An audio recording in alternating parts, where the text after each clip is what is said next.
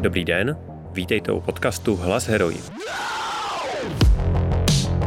Mé jméno je Pavel Houdek a dnes je tady se mnou Johana Nejedlová, jedna ze spoluzakladatelek spolku Koncent a žena, která je velice aktivní ve veřejném prostoru, co se týká ženských práv a lidských práv obecně. Budeme se bavit o sexu. Budeme se bavit o tom, jestli jde vytahat vagínu. A hlavně se budeme bavit o tom, jak se o sexu bavit s dětma a s dospívajícíma. Partnerem tohoto podcastu je e-shop Maluna. Je to jediný obchod v Česku, který se specializuje na menstruační pomůcky. Najdete tam menstruační kalíšky, kalhotky, houby nebo bio-eko jednorázovky. Je to kolektiv žen, který prodává jen to, co sám vyzkouší. Tak na nic nečekejte a vyleďte si menstruaci do pohody. Druhým partnerem podcastu je projekt Prvních 100 let. Je o historii, současnosti i budoucnosti žen v právu. Když posloucháte tento podcast, jména jako Františka Plamínková, Anděla Kozáková Jírová nebo Milada Horáková vám nemusím blíže představovat. Inspirovat se minulostí a poskytnout přesah do budoucna je ambicí tohoto projektu. Prvních 100 let.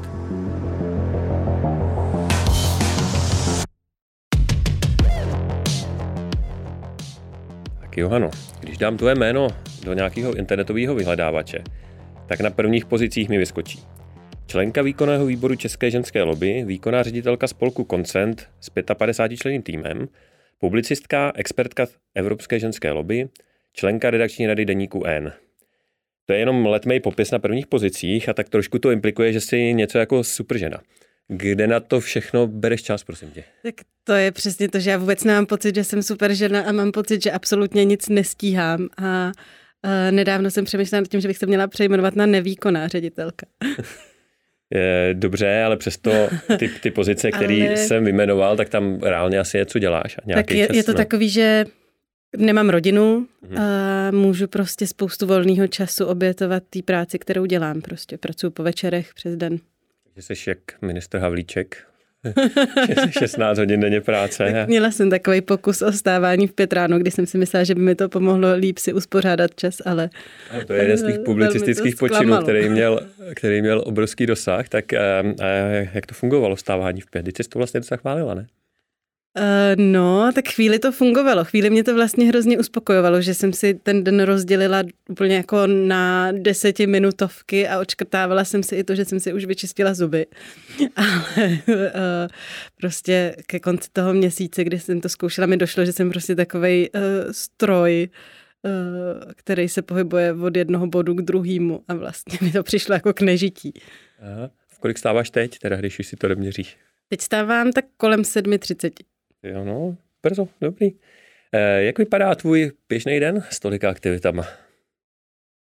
Vstanu v 7.30, ne, v 7.30 se probudím a docela dlouho mi trvá, než, eh, než prostě se k něčemu jako dostanu k práci. Okolo devátý začínám prostě... Promiň, že ti skočil řeč, ale to je skvělý tohle slyšet, protože když člověk poslouchá ty výkonní lidi, tak vždycky právě mají ten, že v 7.30 budík a pak ta rozcvička něco a myslím, že je fajn přiznat, že to někomu trvá, protože mi to taky teda docela dlouho trvá, když, eh, než, stanu, než se dostanu k nějaký způsob plíčnosti, tak eh, to cením, že to řekneš na rovinu hezky. Ale zpátky k otázce, promiň. No, uh, okolo devátý začínám pracovat. Teď je to samozřejmě jako v době pandémie, takže sedím uh, za, za Zoomem a povídám si prostě online s uh, mýma kolegama nebo s lidma, se kterými na něčem pracuji. A pak jakoby nevím, skončím prací tak v šest, a chvíli si dám nějaký volno a pak dost často prostě po večeři si sednu a ještě něco dodělávám nebo píšu. Nebo, no. Takže opravdu, opravdu jak ten havlíček. Z, těch, eh, z toho, co jsem vyjmenoval, tak by se dalo říct, že jsi aktivistka, manažerka nebo ředitelka, eh, možná částečně lobbystka, jak bys definovala sebe sama? Kdo jsi? To je vždycky hrozně těžký pro mě, kdy, pro mě když mám někam napsat takový ten medailonek, co, co jsem. Ale já bych se asi spíš viděla jako holku nebo ženu, co se snaží nějak svojí prací přispět k tomu, aby se prostě na světě lidem žilo líp. OK. A když by si měla říct jeden problém, Když bys mohla vyřešit jeden problém, jako to je v těch eh, pohádkách, že si vytáhnou tu zlatou rybku, mají tři přání, tak kdybys měla jedno, který by to byl a jak bys ho, vlast, jak bys ho vyřešila? Tak to je hodně těžký. Agendu máš velkou, ale je určitě něco, co tě trápí nejvíc. Já třeba, to je asi to, co mě pálí teď v tuhle chvíli, mám pocit, že ve všech typech rozhodování prostě extrémně chybějí ženy a ženy s nějakou normální běžnou lidskou zkušeností, který by prostě dohlídli na to, aby opatření, které se na různých úrovních vylašou, dávaly smysl a, a nepřehlíželi prostě uh, ženy, rodiny, pečující muže. Takže bych asi se teď pokusila prostě dostat do vedoucích uh, pozic nějaký schopný lidský ženy. Hmm. Máš nějaký nápad, jak na to? Tak jeden z těch uh, jako běhů na delší tratě, ale to, aby se ženy eh, nebály, neměli ten pocit, jako často mývají, že, že je to tak, že uh, ženy když nesplňují 100% nějakých kritérií, které si přece vzali, mají pocit, že na to nemají a muži často, když splňují 80, tak si myslí, že na to mají. Tak aby si uvědomili, že nemusí splňovat všechny všechno, co si myslí, že by mělo být v takové pozici a aby se toho nebáli a zkoušeli prostě někam kandidovat, aby je mluvili o nějakým politickým zapojení a aby podporovali ženy, když někam kandidujou. Což samozřejmě někdy je lepší uh, osvícený muž než neosvícená žena, ale měli bychom se snažit ty ženy tam nějak preferovat. Tím si myslíš, že ta ženská zkušenost je jiná? Hmm. Já si nemyslím, že je to nějakým vrozeným nastavením, ale je to tím, že prostě jsme vychovávaný trošku odlišně, Uh, už to, jak se prostě chováme k holčičkám, často jim prostě dáváme ty panenky, uh, v nějaké vedeme k tomu, že mají být pečující, uh, podporujeme v nich ty emoce uh, a u chlapečků to takhle neděláme, tak postupně ta jejich životní zkušenost začíná být odlišná, pak se od nich očekává něco jiného ve škole, často mají mít holky lepší prospěch než kluci, že jo. A uh, postupem času se nějak jinak kariérně jako realizují a realizují se víc v té péči o rodinu a domácnost. Co samozřejmě už teď dělají někteří muži a muži s takovouhle zkušeností jsou taky určitě potřeba v, v politice, ale pořád je to samozřejmě převaha žen, hmm. když to tak jako zjednoduším. Já udělám trošku ďáblova advokáta. Eh, na tohle může zaznít argument, který asi je docela částečně validní a to, že žádný rodič přeci nechce mít ze své dcery hm, nějakou ženu v domácnosti nebo nějakou, eh, teď asi použiju ostrý výraz, ale nějakou pučku, která jako nebude mít eh, kariéru nebo nebude mít něco. A te... S tím já bych mhm. třeba už rovnou jako nesouhlasila, no. protože si myslím, že je spousta žen a holek v mém věku, kterým rodiče říkají, proč furt buduješ tu kariéru, když chceš mít ty děti.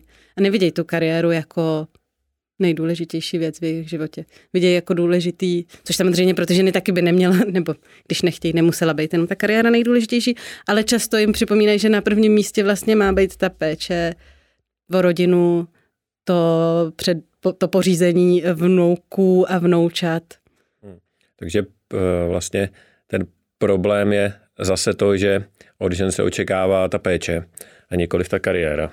Něko samozřejmě chtějí ty rodiče, aby jejich dcery vystudovaly vysokou, ale pak zároveň chtějí, aby aby jako co nejdřív měli rodinu často. No. No, a ne, nevím, jak to logicky dává smysl, proč vlastně mají tu vysokou studovat. Tam, se, tam jsem přesně mířil, no, že uh, jasně panenky pro děti asi, jo, nebo mohli bychom asi řešit, nakolik to je jako na místě nebo není. A, ale přesně důraz na vzdělání asi jako všichni nebo vš, široce se dá říct, že rodiče dávají, ale pak se to asi někde zvrtne. No. Máš radost? Eh, ale ono, je to jako přirozený, že se to i v té kariéře zvrtne, protože pokud už se někdo třeba uh, v lékařském prostředí už se jako překoná nějak, že na tu bariéru a stane se z ní jako uh, lékařka a, a ten řekněme, že je to v nemocnici, nějaký primář tam vezme, přestože může mít nějaký předsudky nebo jako vymaní se z té představy, že ta žena bude méně výkonná a bude se, peč, bude se starat o děti, tak v jednu chvíli si pravděpodobně ta žena ty děti pořídí a pak pravděpodobně se o ně stejně bude starat víc ona a když onemocní, tak, tak půjde domů se o ně postarat. A tím se jakoby takhle cyklí ten kruh toho, že vlastně jsou ty ženy nějak znevýhodňové. A zároveň se to vlastně od té ženy čeká, že jo? Protože já jsem začal tu otázku, jestli máš radost před nedávnem, nebo natáčíme po poměrně krátce po volbách do Senátu, kdy nakladně uspěla tak, jak byla titulkovaná v médiích, že jo, Eh, matka čtyř dětí a advokátka. Eh, když jsme měli štěstí, jak se tam objevilo jí jméno, většinou ne. A vlastně zajímavý na tom bylo, že ten protikandidát její měl taky čtyři nebo pět dětí, ale nikde to vlastně nezaznělo jako nějaký argument nebo něco, co by se mělo vyzdvihovat nebo cokoliv. Takže u muže se to bere jako dobrý, má děti a teď se teda tady dělá tu politiku nebo kariéru a jako ten Bendel, že jo, ale tady je vlastně mladá, v uvozovkách, protože samozřejmě do Senátu musela splnit tu kvotu 40 let a je 40 let, a, ale je to matka čtyřech dětí, jako wow. Jo, mně to na jednu stranu přijde úplně jako skvělý, že matka čtyř dětí se dostala eh, do Senátu, ale zároveň přesně mě to uh, nepřekvapuje, ale je to prostě signifikantní pro to, jak tady ta společnost furt funguje. No? To přijde úplně strašný, protože samozřejmě jsou nějaký jako biologické procesy, které jsou nezastupitelné pro ženu, jako třeba porod nebo kojení. Ale kromě tohohle vlastně není nic, co by ten muž nemohl dělat. A já třeba mám malý dítě, eh, snažíme se se ženou zvládat tu péči tak, aby byla půl na půl. A tak to mám jako z první ruky. Eh, vidím, že to teda je těžký skloubit, ale to těžký skloubit je, jsou čistě sociální faktory, jako nic biologického, eh, takového, že by jako ten muž k tomu neměl takový vztah, jak se často říká, že muž si najde k dítěti vztah, až eh, nějak mluví a běhá do té doby prostě z nějakých jako snad až eh, biologických příčin, ne, tak je prostě úplně nesmysl. No. Zároveň to ani není tak, že by ta matka měla automaticky ten vztah k tomu dítěti. To teda ne, nemám z vlastní zkušenosti, ale mám okolo bez sebe docela dost kamarády, který mají malí děti a popisovali mi, že jim vlastně, a trochu se za to i styděli, protože se o tom prostě nemluví veřejně moc, ale popisovali, že jim nějakou dobu trvalo, než jako zjistili, že to dítě mají vlastně rádi. Že se o něj samozřejmě jako první měsíc starali a, a snažili se ho zapo- zaopatřit, aby se mu nic nestalo, ale ne každý prostě úplně od první minuty to dítě jako bezmezně miloval. Hmm. Já si myslím, já jsem teda eh, často jako jediný muž na třeba tom dětském hřišti, takže mám kolem sebe díky tomu, že se starám o tu dceru na půl eh, hodně žen. A myslím, že to je často právě kvůli tomu, jak ty ženy jsou s tím dítětem pořád a ještě mají na starosti miliony jiných věcí, že jo, domácnost a, a jídlo a tak, tak prostě jim to časem jako přeroste přes hlavu a obrátí se to až v takovou jako eh, v takové v takové pocity, který popisuješ, já nechci nemám teď, nenapadá slovo nějaký vztek až na, na to dítě nebo třeba to odmítání, protože ale když to vidím a poslouchám ty ženy, eh, bavím se s nima, co všechno mají na starosti, tak on je to fakt jako ten havlíčkův úvazek, že prostě od rána vlastně, že jo, makají, makají, makají, makají, eh, starají se o dítě, což je samo o sobě práce na plný úvazek, kdo to někdy zažil o malý, k tomu ta domácnost a k tomu nákupy a k tomu ty v uvozovkách eh, ženský práce. A pak není divu, že ten člověk eh, ještě s těma biologickými procesama, které jsou po tom porodu, kdy to tělo se nějakým způsobem zotavuje, eh, nastane něco, co teda nejsem psycholog, co bych klidně řekl, nazval jako vyhoření nebo něco podobného, který se prostě projeví tímhle. No. Jo, ono se už o tom začíná mluvit, že prostě i matky prožívají v domácnosti vyhoření, který prostě je tím pracovním nastavením a, a probíhá dost podobně, jako když vyhoříte tím, že prostě furt pracujete v nějaký, řekněme, normální práci. Jako. Jo, to si, dovedu, to si dovedu představit. To by bylo zajímavý téma eh, do nějakého dalšího dílu, tak to zkusím spunktovat. Každopádně pojďme dál. Ty jsi uh, nejviditelnější uh, jako výkonná nebo nevýkonná ředitelka teďka, pardon, spolku Koncent. Zajímalo by mě. Vy jste začínali jako spolek kamarádek, dobrovolnic, eh, který něco pálilo a začali ohledně toho něco dělat. Eh, dneska eh, se dá říct, že jste velká organizace s 55 členným týmem. Jak to posunulo tebe? S čím vším se na té cestě od té aktivistky, která prostě s kamarádkama v obýváku plánovala nějaký akce, o, do role prostě manažerky takovéhle organizace s takovým obrovským záběrem činnosti a třeba i mezinárodním přesahem. Tak je to pořád hrozná škola. škola. Já se pořád učím co a jak dělat, co a jak zvládat líp. A vždycky, když mám pocit, že už jsem se něco naučila, tak vyskočí nějaký nový problém, který se musím učit řešit. Um, myslím, že to bylo jako celkově nepřemýšlím, jako ono se, jak se to děje hrozně rychle, tak vlastně jsem nikdy moc nepřemýšlela nad tím, jak to takhle zhodnotit. Mm. Myslím, že ty vize, které mám, jsou pořád stejný, krom toho, že jsme se uh, nedávno shodli na tom, že ultimátní cíl, náš cíl je, aby ta organizace už nemusela existovat. Mm-hmm. A...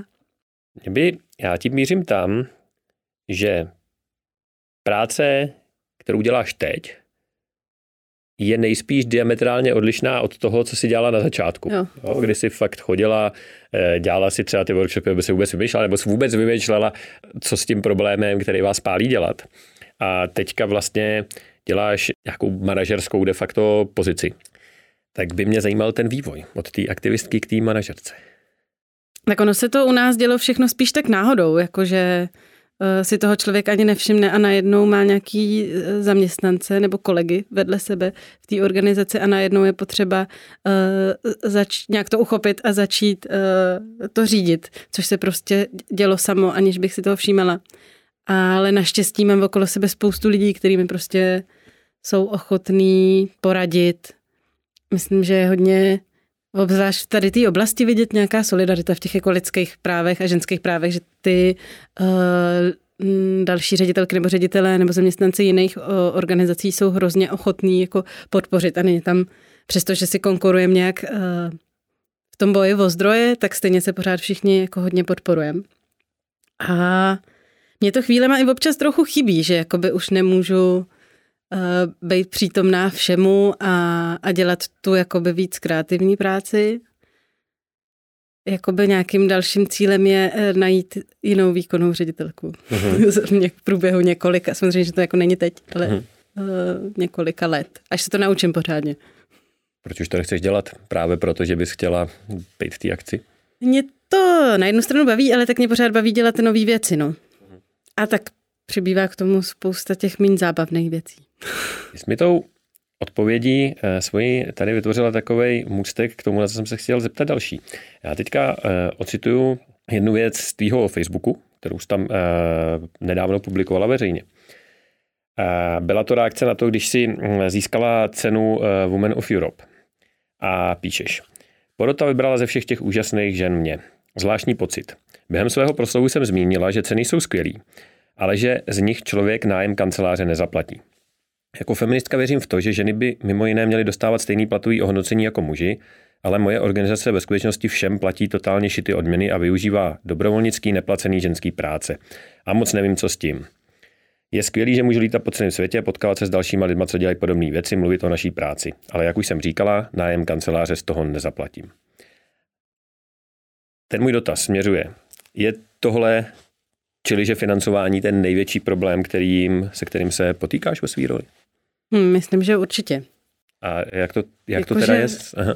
Uh, schánět finance ne ten druh práce, který my děláme. My se totiž nevěnujeme mm, nějakým službám nebo poskytování přímé pomoci, ale snažíme se dělat prevenci, osvětu a, a upozorňovat lidi na tohle téma, snažíme se k tomu hledat nějaké kreativní cesty. A na to se prostě strašně těžko uh, uh, fundraizuje, protože samozřejmě uh, pro společnost, jako z těch třeba státních peněz, je nějaký, z nějakého důvodu uh, přijatelnější financovat, nebo samozřejmě, že je to jako extrémně důležitý, ale financovat tu přímou pomoc, která se dá strašně krásně vyčíslit a spočítat a, a je hodně dobře vidět, zatímco ty věci, co my děláme, jsou takové jako měkčí. A na ty tady zdroje dost chybí a zároveň se pořád snižují. Ještě se samozřejmě, my se pohybujeme v té oblasti jako ženských práv a jsou tady pořád nějaký útoky politiků na to, aby ty dotace, ze kterých my můžeme čerpat, byly snižovaný, protože mají pocit, že jim to přinese politický body, když se berou uh, feministkám těch pár jako drobných v podstatě, když se to porovná s tím, co jde třeba do fotbalu. Mm-hmm. To je jiný post svého Facebooku, který jsem si půjčil. E, tam to říkáš teda explicitně, já bych se v tom trošku chtěl e, porýpat. Píšeš, zase je to reakce na nějaké oslovení e, do nějaké kampaně. Píšeš, e, jako, je to hrozně pěkný, být v nějakých kampaních a pomoct třeba motivovat další ženy, ale mnohem radši bych byla, kdyby se Evropská unie i česká politika měnily pozitivně v oblastech, které řešíme, nebo kdybychom si mohli být jistí, že tu za rok budou nějaké dotace, které nám umožní dělat práci, kterou děláme a ne řešit, že chce nějaký skokan přesunout pár ušmudlaných milionů v dotacích na rovnost žen a mužů na sport nebo něco takového. Hmm, to, to jakoby částečně reaguje i na to, že se cítím vyčerpaná tím, co děláme třeba v Český ženský lobby, že velmi často musíme bránit to, aby se nějaký zdroje, ze kterých je tady spousta organizací financováno, nekrátily. Eh, když ten důvod pro krácení není jako, že by někdo byl nespokojený s prací těch eh, organizací a, a s tím jejich dopadem, ale prostě protože má pocit, že to téma by nemělo být podporovaný. A mně přijde, že bych jakoby chtěla vidět nějakou reálnou podporu té naší práce eh, z politický scény, která není jenom jako symbolická. Není to tady se s tebou vyfotíme a řekneme, jo, jo, to dělá dobrou práci, díky.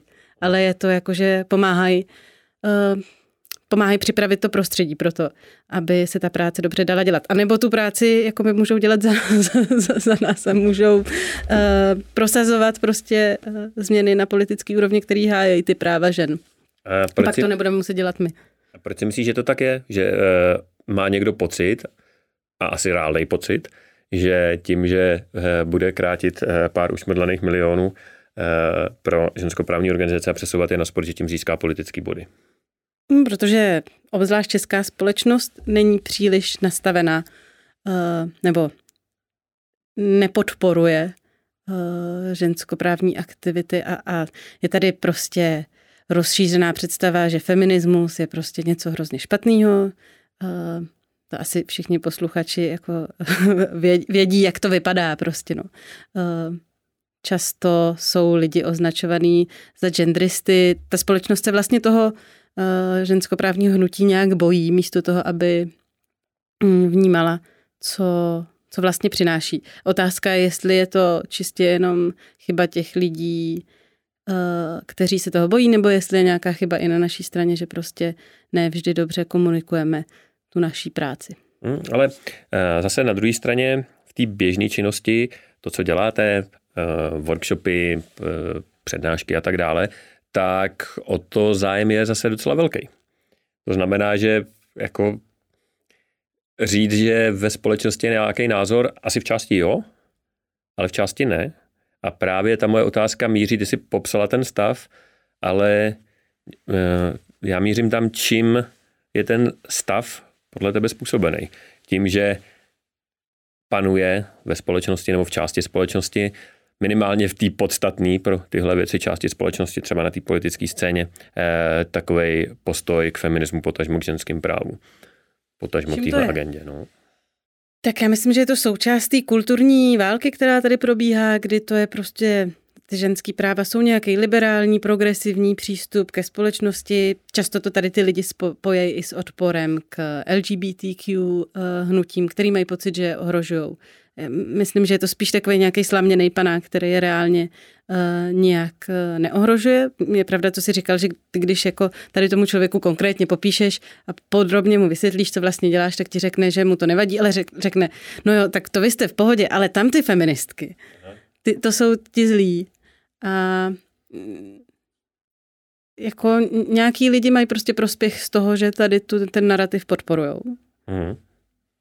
Nechceš už něco. Jsi tak nadechovat, tak já jsem, čekal, že, eh, že ještě něco dáš. No, no, asi... A je to samozřejmě taky mediálně atraktivní prostě uh, ty, ty titulky o nějakých bláznivých výstřelcích feministek. Myslím si, že spoustu lidí to může i můžou některé věci i třeba osobně ohrožovat. Třeba pokud jsou ženy, které podle mě ve svém životě neměli moc jiných možností, než jak se prosazovat, než v té jakoby péči. A, a teď jim feminismus říká, vy byste, prostě ženy, se, ženy mají dělat tohle a tohle a tam jakože mají se angažovat, mají pracovat uh, a tohle o děti se zvládnou postarat i chlapy, tak chápu, že to útočí vlastně na tu jednu jedinou věc, kterou, jednu z mála věcí, kterou v životě se snažili dělat dobře, třeba je bavila, a, a pak jsou vůči tomu mm, pak jsou vůči tomu negativně vy, vy, vyhraněný. Uh-huh. A je to opravdu tak, že třeba v praxi, když se stýkáš s tou, s lidma, kteří se pohybují v politice, že tam vidíš to dělítko progresivní nebo liberální a, a konzervativní, co se týká třeba podpory těchto druhů aktivit, ať už třeba finanční nebo jiný? Já myslím, že zrovna tady v těch tématech je to docela jednoduchý. No. Že u spousty věcí to úplně neplatí takhle jednoduše to rozdělení, ale pořád, ano, že to tak, pořád že to tak, to tak vnímá, jako že... by teď v Česku platí. Aha, OK. Pojďme od toho. Mě by zajímalo, koncent je hodně vidět, je vidět v médiích, sbírá ceny uznání, vystupujete na kongresech a tak dále. Jak se vám daří v praxi? Mm, jako jak reálně, jako Myslím, jak jak, vám- jak, jak nám to jde, když máme reálně dělat tu práci.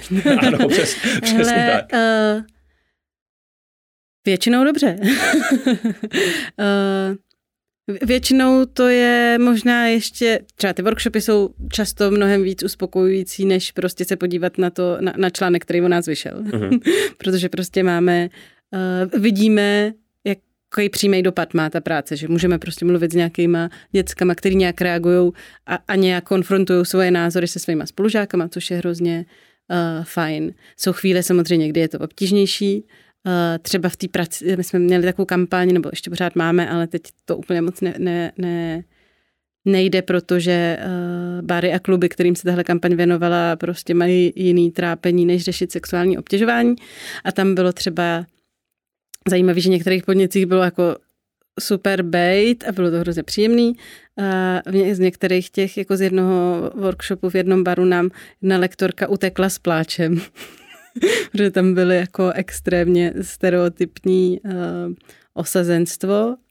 Uh, ale zároveň, jako když to celý schrnu, tak mám pocit, že o tu naší práci je čím dál tím větší zájem. Teď minulý týden řešila uh, naše koordinátorka workshopu pro základky, že jí napsalo prostě asi 60 škol v jeden týden, že, že chce workshop, což samozřejmě ani ne, nezvládáme pokryt. Mm, cel, mě, mě i baví to, kam se posouváme, protože my jsme dřív hodně dělali tu, ne, nejenom, že já jsem jako přímo v té organizaci dělala tu přímou práci, ale my jsme se hodně soustředili na to, že budeme chodit do té škol a, a budeme my přímo tu, tu práci dělat, tak teď se spíš posouváme k tomu, že chceme učit uh, další lidi, aby to mohli dělat sami, jako jsou třeba učitelé. Mhm. Takže teď v jednom projektu učíme, připravujeme metodiky pro učitele a učíme je a zároveň hrozně doufáme, že teď dostaneme peníze na nějakou digitální platformu, kam bychom jenom, mm, kterou bychom připravili a mohli bychom prostě tam pozvat učitele i rodiče, aby si prostě sami uh, vzali nějaké aktivity, kterými připravíme a mohli tu práci v oblasti sexuální výchovy nebo pre- prevence sexuálního násilí udělat sami. Na co jste A třeba... až to uděláme pro všechny oblasti, tak budeme moct zavřít. Jo, tak to, to je to, že koncert nebude vůbec potřeba. Eh, ne, když se zeptám vážně, jak vypadá svět, kde můžete zavřít? Čeho vlastně chcete dosáhnout ultimátně v ideálním světě? Jo, no tak představovat si, že bude existovat svět bez sexuálního násilí, by bylo asi naivní. Ale mm, mojí představě je to, že větší část společnosti ví, že je to palčivý problém, eh, nebojí se o tom tématu mluvit. Ženy, který se se zkušeností se sexuálním násilím svěřej, ale i muži, nejsou prostě nějak uh, okolím uh, schazovaný, případně to udělá nějaká výjimka, kterou uh, ostatní se s ní vypořádají, uh, to, to okolí tady té uh, ženy a mm, stát nebo město, to jedno věnuje dostatečnou pozornost prevenci a, a podporuje ji a bere to jako jeden ze svých hlavních cílů uh, práce s tady tím fenoménem. A jak by ta prevence měla vypadat? Protože o prevenci mluví ledas kdo, ledas kdo ji dělá. Eh, Jak by dneska v roce 2020 měla vypadat? Hm, Podle mě jako začíná co nejdřív a je spíš pozitivní. Jako mluví o tom, jak navazovat zdraví, milostný a sexuální vztahy a dává dětem pozitivní vzory v tom, jak prostě se mít dobře, mít dobrý sex, nikomu neublížit. Samozřejmě mluví i o tom, jaký následky může mít uh, znásilnění nebo sex bez souhlasu nebo to obtěžování. Ale podle mě je důležitější ukazovat spíš, jak to dělat dobře, než jenom ukazovat co je špatně. Strašit. A když říkáš, že e, začíná co nejdřív, tak to znamená konkrétně co? Tak to je podle mě tak jako v těch severských státech už třeba v mateřské školce.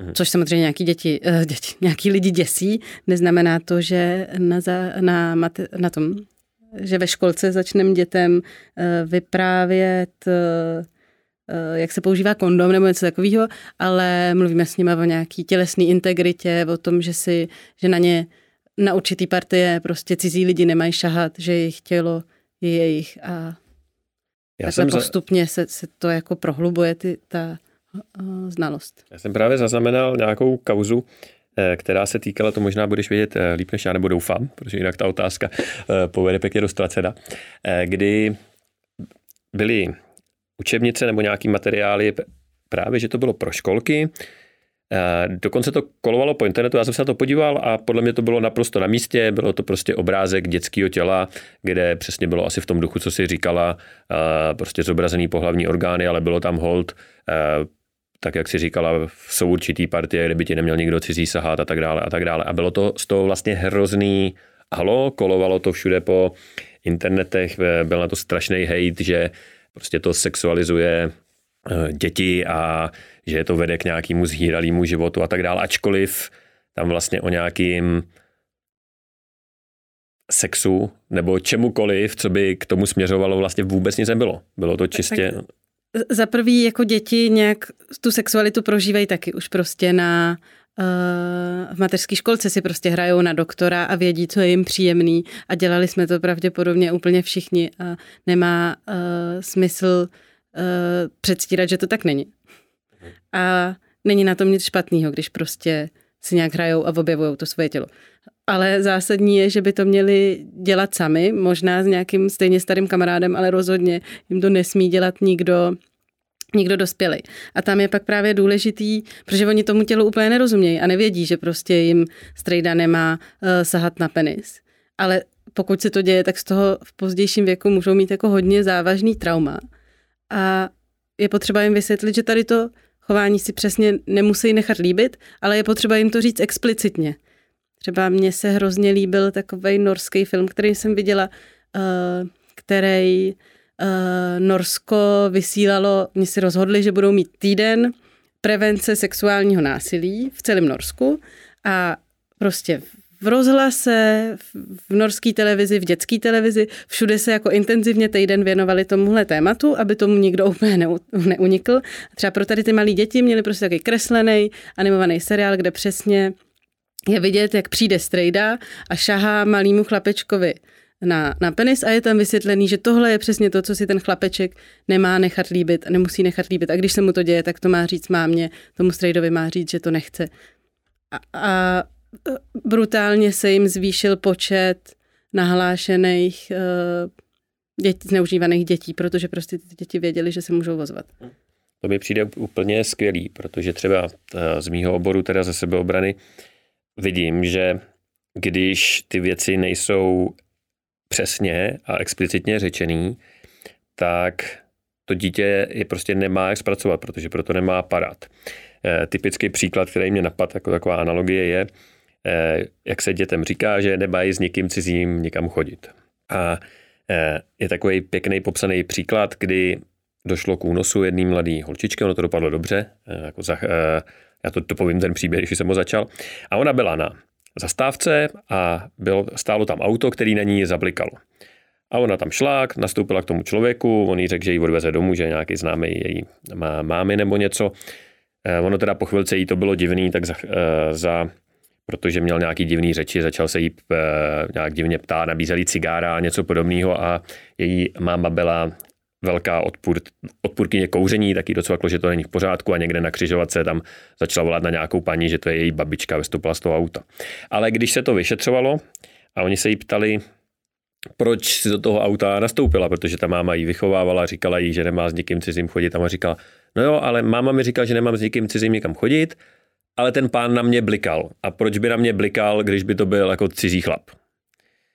A zároveň, jak mám malý dítě, tak vidím, že když tomu dítěti něco zakážeš, nebo e, nějakým způsobem tabuizuješ, tak to je přesně to, co to dítě bude přitahovat. Když prostě máš nějakou skříňku, kde máš něco, co nechce, aby bralo, a to je jedno, to může být prostě ostrý nože. To není jenom jako u dětí, ne? Taky zajímá, když mi někdo řekne, sem se nekoukej. Aha. Přemýšlím, co tam je. A samozřejmě tam to dítě najdeš, takže jako postoj, který, který tohle jako odmítá, já nedovedu pochopit, ale ty bys mohla vědět, z čeho pramení. Jako proč je vlastně kvůli tomu e, proti osvětě v téhle oblasti vůbec nějaký odpor. Já, já si myslím, rozumím. že to je tím, že ti odpůrci chtějí ten problém ignorovat a chtějí, jako prostě je to vlastně strašný problém, jako zneužívání dětí je přece něco hroznýho. A ty lidi si to vůbec nechtějí připouštět, podle mě, že se to děje, že se to může stát jejich dětem nebo někomu v jejich okolí a tak to radši prostě takhle smetou ze stolu. Což není samozřejmě uh, vůbec funkční řešení, ale pro ně osobně to asi příjemnější je. Zajímavý. Vy jste nedávno na sociálních sítích eh, začali takovou kampaň, která se týká mýtu o sexu a vagínách. Jeden z posledních, eh, který jsem viděl, eh, byl mýtus o vytahané vagíně.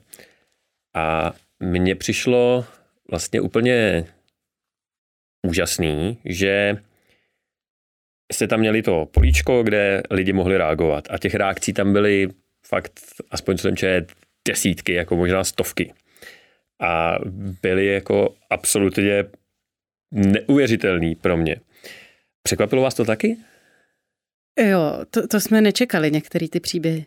On jako stručně ten mýtus je, je o tom, že uh, ženy a muži si myslí, že čím víc má žena sexu, tím bude mít jako volně, povolenější vagínu. A nějak oficiálně žádanější mají údajně být ty úzký vagíny. Samozřejmě, že je to nesmysl, protože prostě tím, že má žena víc sexu, se vagína nevytahuje. Naopak asi pravděpodobně tak jako když používáme uh, ty venušiny kuličky, tak se spíš posilují ty svaly a je pevnější. Ta úzká vagína uh, souvisí většinou s tím, že prostě ta žena není dostatečně vzrušená a ty svaly jsou prostě částečně stažený. Mm-hmm. A pak ty příběhy, co nám psali ty, ty holky, které si tohle četli, byly úplně příšerný. Tam byl třeba přesně jako holka psala, že její kluk jí nikdy nedělal předehru a rovnou šel na věc, protože se mu líbilo, že je pak uší. Což je vlastně jako uh, ho vůbec nezajímalo, jestli jí se ten sex líbí, nebo bude líbit, nebo jí bude bavit, ale ch- chtěl to mít prostě jako uh, úzký a asi suchý. uh, no, uh, já si teď musím chvilku zesumírovat, co všechno tam bylo, protože to bylo hrozný. Jako hodně tam psali uh, holky, že se je právě jako kluci odsuzovali za to, že mají moc uh, volný uh, vagíny, případně tam psala třeba holka, že se s ní kluk rozešel, když zjistila, že už měla předtím sex, protože by byla moc vytahaná. A, a je to hrozně absurdní v tom, že čím jako o mužích si překvapivě nikdo nemyslí, že čím víc budou mít sexu, tím budou mít slabší erekci, ale taky by se mohlo dát předpokládat, že prostě čím častěji se jim tam náleje krev, tím se to tam ty cévy roztáhnou a bude té krve potřebovat víc, takže to vlastně pak nebude fungovat. Ale v tom jako dlouhodobým nějakým uh, společenském nastavení, kdy asi je žádaný, aby ženy byly cudný z nějakého původního patriarchálního přístupu k potomkům a podobným věcem se prostě jako vymyslelo, že žena, ženy si vlastně nemají užívat sex. Strašně zajímavý, ale eh, jak vás tohle napadlo vzít ten mýtus a pustit ho na sociální sítě? Je to třeba zpětná vazba z těch vašich workshopů, nebo... Protože to je věc, kterou já jsem poprvé jako takovýhle mýtus a ty reakce na to viděl u vás. A asi to není věc, která je třeba běžně probíraná v rámci sexuální výchovy a tak, jak jsme o tom mluvili. Tak mě zajímá, kde, kde se to... To bylo úplně uh-huh. fakt čistě náhodou. Uh, celkově ta práce, kterou děláme, je založená na tom, že se inspirujeme v něčem, co vidíme v zahraničí, ale i jako věcma, který nás pálej. A tohle bylo čistě, že prostě kolegyně si chtěla přečíst něco o venušných kuličkách a dostala se prostě k tady tomu eh, a začala si hledat všechno možné o, o tom, jak mít pevnou vagínu, až se dostala k tomu, eh, že, že vytahavený vagíny vlastně jako by moc nejsou. Protože jako to množství reakcí... Ještě, jako abych to uh, doplnila, tak si myslím, že právě ten náš přístup, kdy ty věci hodně jsou jako osobní, který my, my v tom koncentu řešíme a jsou i pro nás osobní, tak vede k tomu, že ty naše posluchače nebo fanoušky uh, to, to baví a pak se víc taky otvírají a říkají nám ty jejich zkušenosti. Hmm. Protože jako tohle jsou věci, které by eh, přeci právě měly zaznít že jo, v rámci té takzvané sexuální výchovy nebo něčem takovým, protože pokud tady jako nějaký takovýhle mýtus nebo postoj jako existuje, a země existuje, když jste na to přišlo takové množství reakcí, který z nich mnohý byly fakt uh, hluboký. Já nevím, jestli to jde ještě někde dohledat. Asi jo, my, to někde... my to pořád máme archivovaný ve stories jo. na Instagramu. No, takže fakt doporučuji uh, si vlíst na uh, Instagram koncentu a podívat se na to, protože je to fakt silný. Ale pokud něco takového existuje, tak to jsou přesně věci, které by se v rámci tohodle měly řešit, ale neřeší se. Jak je to vůbec v současnosti se eh, sexuální výchovou, teda kromě té, který děláte vy? Uh, tak jsou tady i jiné organizace, které dělají uh, su, super sexuální výchovu. Třeba Nesehnutí mělo v Brně takovou interaktivní výstavu, uh, kterou vlastně používali k výuce o sexuální výstavě. Mohli si tam lidi jako ošahat, jak vypadá klitoris a vyzkoušet různé hry, jako haptický a tak. Ale mm, ta sexuální výchova je vlastně hodně ponechaná na tom, jak si ji rozhodne, že ji bude učit konkrétní škola a pak konkrétní pedagog. Mm, Česká středoškolská unie dělala před půl rokem takový průzkum mezi svýma prostě členama a, a, a dalšíma studujícíma, který vyplnilo prostě myslím si, že 700 lidí zatím a ještě teď zrovna sbírají další odpovědi a z něj vyšlo, že prostě podle těch samotných studujících ta sexuální výchova vůbec nebyla, uh, nebyla dostačující. Uh, tuším, že v 75% probíhala jenom jako čistý výklad pedagoga, kdy ani nedostali prostor na otázky ty, uh, ty studenti a studentky a soustředilo se to přesně kolem uh, pohlavně přenosných chorob, nejčastěji HIV, uh, antikoncepce a mm, jaký jako navazování zdravých vztahů, ale to je spíš, myslím, mm, a to si pamatuju i ze své školy, že se jako nějak mluví o manželství. A pak takové ty věci, které oni sami říkali, že by je zajímaly, jako prostě první sex, uh, orgasmus, uh, ten souhlas u sexu, uh, tak to jakoby probírali jenom nějaký úplně minimální procenta těch, těch uh, co vyplnili tu anketu. Hmm. A je to podle mě škoda, protože prostě na, na konci základky ty děcka hrozně zajímá věci kolem sexu a jsou pro ně podle mě hodně důležitý. A myslím si, že by měly to být nějaké informace, které jsou trošku protříbený uh, nějakým odborníkem a budou jim k něčemu užitečný. Jasně, protože jinak skončí u porna, že? To je jasný. To je, což je vlastně další věc, kterou, uh, kterou nějakým způsobem řešíte nebo kterou se zabýváte. To je vlastně vliv porna na sexuální vzdělanost eh, mládeže nebo vůbec populace. Jak velkou roli hraje porno a stereotypy, které v něm jsou zobrazovaný na skutečný prožívání jako reality nebo chápání, vnímání reality, zejména teda u mladých lidí, když jsme u toho. Hmm. Jsou jako úplně nám chybějí český data, ale můžeme předpokládat, že se moc nelišíme od eh, zahraničí. A ty zahraniční data říkají, že prostě strašně moc děcek uh, bere porno jako hlavní zdroj informací o sexu, což je jasný, protože tam prostě vidějí. A, a názorně, o co tam jde. Ale zároveň si velká část z nich myslí, že je to realita, eh, teď nejsem jistá, jestli mm, říkám ty čísla správně, ale mám pocit, že to bylo jakých 60, přes 60% chlapců a o trochu méně procent uh, dívek si myslelo, že je to realita, což se nám vlastně potvrzuje i během těch našich workshopů, že my necháváme o tom společně diskutovat a, diskutovat a vždycky v té třídě jsou prostě lidi, kteří říkají, jo, jo, porno je prostě dobrý informační zdroj, takhle to prostě vypadá. Pak jsou tam samozřejmě uh, studenti a studentky, kteří říkají, no ale prostě tak je to jenom film. Mm-hmm.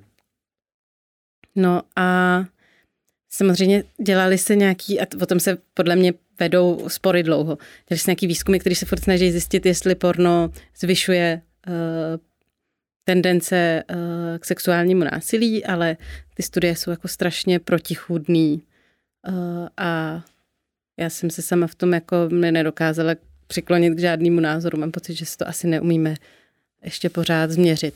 Můžou to být mnohem subtilnější věci, jak jsme třeba před chvilkou zmínili to, že eh, byl eh, chlapec, který nebo dívka chlapec, který vynechával předehru, protože chtěl, aby eh, holka byla úzká, tak to bychom asi nenazvali sexuálním násilím jako v tradičním slova smyslu, ale určitě to je něco, co není jaksi úplně v pořádku a co přesně si dovedu představit, že je přenesený uh, z toho mainstreamového porna. No. Minimálně to určitě to sledování porna vede k tomu, že uh, ti, co se na ní koukají, chtějí zkoušet ty praktiky, které se v tom pornu dělají a už asi nechám na posluchačích, jestli si myslí, že je to dobře nebo ne, ale nejs, jako z mýho pohledu si nejsem jistá, jestli musí jako 16-letá holka dělat anal třeba a, a považovat to za normální, uh, běžnou součást sexuálního styku. Podle mě to je asi v pohodě za předpokladu, že eh, je tam prostě nějaká vzájemná domluva o tom, no, což samozřejmě nemusí nutně být, pokud to eh, já, jedna přesně, ta já si nejsem jistá, ko, ko, kolik z těch, jakože bez té své zkušenosti, jak moc je to baví ve skutečnosti a jak moc si jenom myslí, že takhle se ty věci mají dělat. A, a že tam nemají ten, tolik toho prostoru si to vlastně objevit sami, co chtějí dělat. Ale zase samozřejmě tak pak se mluví o tom, že to porno částečně přispívá k tomu, že jako lidi objevují to, co je baví a, a asi se dík pornu třeba nestane to, že přijde pár uh, do poradny s tím, že nemůže otěhotnět a ukáže se, že vůbec nemají sex. Příběh, to jsem nedávno slyšela. No, okay. Takže porno ano nebo ne teda? Teď jsem se do toho Já vůbec ne, neumím říct, jestli porno, nebo já si myslím, že ne, to není tak, že, by, že porno ne. Myslím si, že je potřeba porno brát s rezervou, je potřeba jim vysvětlovat, co se v tom pornu děje, eh, že tam chybí velká část toho, co se před sexem nebo po sexu odehrává, obzvlášť prostě, když jste na porno serveru, kde se koukáte jenom na výsek nějakého filmu. A myslím, že je třeba dobrý výst, mluvit i o tom, že existují nějaký alternativní porna, nebo že ty porna jsou často nějaký narrativ, který si myslí ten režisér, že bude zajímat ty diváky, ale nemusí to být něco, co, zají, co, co lidi, co každý chce dělat. Jak si myslíš, že... Mě k tomu napadla jedna věc. Myslím, že jako hodně důležitý říkat taky to, že to, že se mi něco líbí v pornu, neznamená, že to musím dělat v reálu a že se mi to v tom reálu bude líbit. Že to můžou být dvě oddělené věci. Mhm. Jak myslíš, že si stojí v současnosti třeba česká sexuologie nebo vůbec tyhle vědy, které se zabývají sexem, sexuálníma vztahama a dejme tomu nějakou třeba osvětou. Protože já mám pocit, že zatímco dřív to bylo docela na úrovni a jako fungovalo to dobře, tak dneska eh, vidím všude mluvit lidi, jako je eh, Radim Uzel, který říkají věci, které jsou fakt mimo a daleko za hranou, co by podle mě eh, profesionál, ještě aktivní profesionál, který opravdu pracuje jako s pacientama, si vůbec mohl jako dovolit říct? No, jako dřív a zrovna tady t- jsou to pořád ty samý sexologové, který byli prostě v 70. letech extrémně pokrokoví, oproti třeba západu. Jsem teď četla uh, knížku, která se jmenuje Eh, proč mají ženy, proč měly ženy za socialismu víc sexu. A ta autorka popisuje, že uh, ty socialistické státy se snažily ukázat, že prostě lidem se v socialismu žije líp a považovali za důležitý i to jako potěšení, a jak mužský, tak ženský. Takže lili jako spoustu peněz do sexuologie, která měla zkoumat, mm, jak mít jako dobrý sex, čímž chtěli trumfnout ten kapitalismus a ukazovat, jako u, u nás, u nás se všem daří líp. Takže v tu dobu vlastně ta sexuologie byla hodně, hodně pokroková a snažila se brát právě ohled na to, aby se všem sex líbil a, a, a řešila tady tu stránku.